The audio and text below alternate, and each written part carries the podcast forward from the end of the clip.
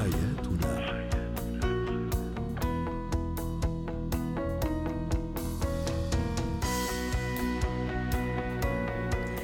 مستمعينا الكرام أهلا بكم. معنا إلى حياتنا برنامجكم اليومي الذي يعنى بشؤون الأسرة وباقي الشؤون الحياتية الأخرى والذي يمكنكم أيضا الاستماع إليه عبر منصة بودكاست سكاي نيوز عربية. معي أنا أمال شاب.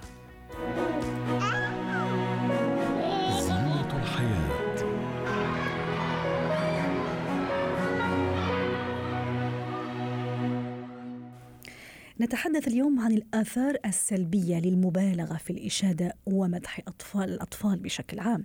للحديث عن هذا الموضوع تنضم إلينا عبر الهاتف من أبو ظبي هبة شركس الخبيرة التربوية. مساء الخير أستاذة هبة. أكيد لا شك أنه أي شيء إذا زاد عن حد انقلب إلى ضده حتى وإن كان هذا الشيء شيء جيد. الحديث اليوم عندما أمدح طفلي بشكل مبالغ فيه وأشيد به في شكل بشكل مبالغ فيه وفي كل الأوقات. متى أمدح طفلي ومتى يجب أن أتوقف عن مدحه.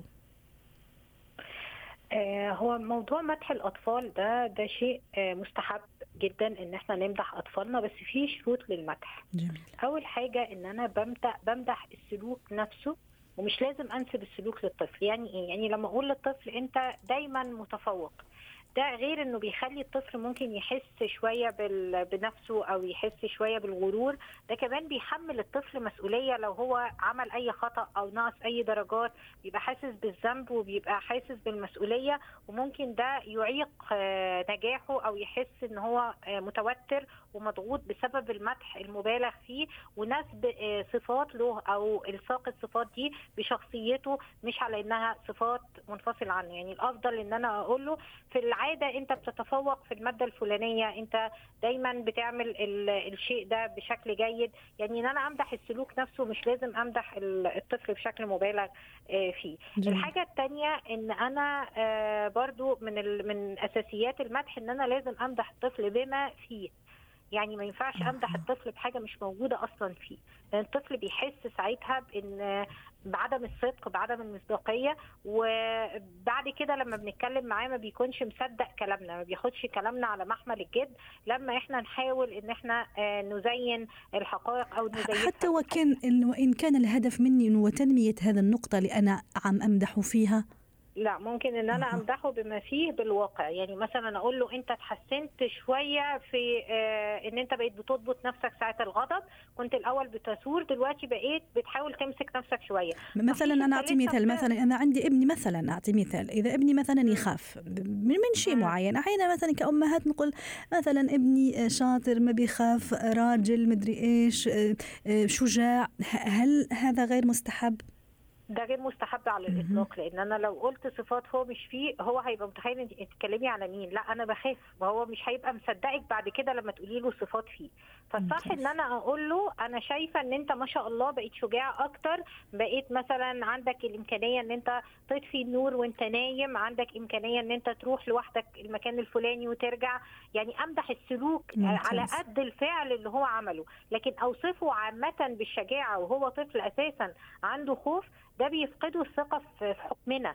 وقدرتنا على على الحكم عليه أو قدرتنا على دعمه لأن إحنا خلاص هو ما بيخافش يبقى هو مش محتاج دعم جميل. وبيحمله مسؤولية. جميل، اذا من بين الشروط اللي نحكي اللي حكينا عنها أستاذة هبة نمدح سلوك لا نمدح الطفل آه، أو لا نمدح شخصه وأيضا أمدحه بما هو موجود فيه وأيضا بشكل آه، غير مبالغ فيه. طيب لما أجي أمدح أيضا أستاذة هبة هل يفضل آه، أني أمدح بيني وبينه قدام الناس ابوها العائله الأصدقاء أو هذا يعتبر نوع من المبالغة غير مستحبة؟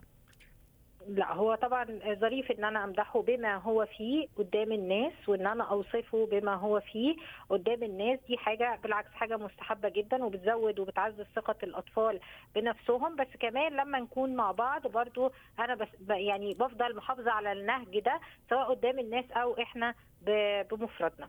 فهو لازم يحس بالاستمرارية إن أنا بستمر معاه في هذا النهج باستمرار.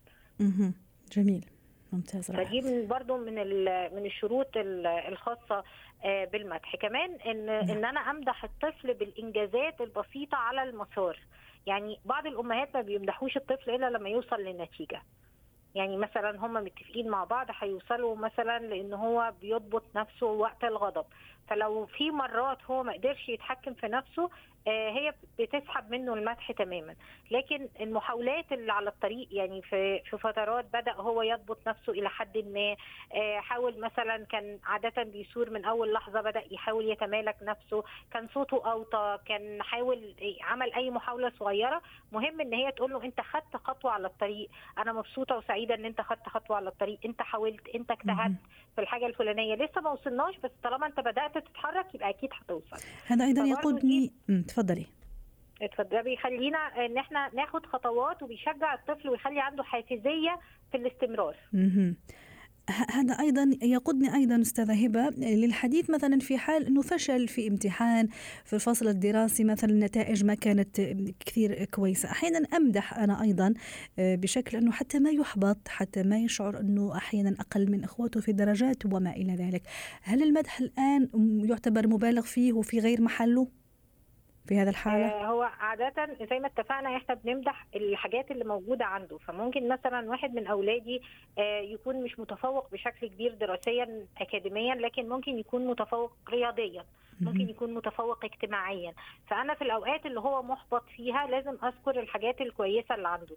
صحيح ممكن تكون أنت أخفقت مثلا في في الامتحان ده. بس خلي بالك أنت عندك مهارات اجتماعية وعندك كذا وأكيد إحنا هنشتغل على نقاط الضعف ونقويها. مش هنستسلم خلاص أنت كويس آه، رياضيا فمش مهم اكاديميا. لا إحنا عايزين نوصل للتوازن فإحنا بنمدح الحاجات اللي موجودة آه، فيه. وبنقول له ده بالنسبة لك أنت إنجاز. يعني أنت مثلا عندك مشكلة مع الرياضيات وانت بدأت تتحسن تاخد خطوات أو انت الامتحان ده ما كانش موفق بس ده هيخلينا نشتغل أكتر على المادة دي أو اكتشفنا المشكلة فهنقدر طالما آه، اكتشفنا المشكلة يبقى أكيد هنقدر نحلها. يعني أحد الكتاب حتى شبه هذا الموضوع يعني بتشبيه بسيط وجميل يعني يقول لك الإشادة بالطفل آه، تماما شبهها بتناول الحلويات أو السكريات. يعني لما أعطي طفلي أنا قطعة صغيرة من الحلوى تمنحه النشاط السعادة الحيوية. لكن الكثير منها قد يلحق به الضرر.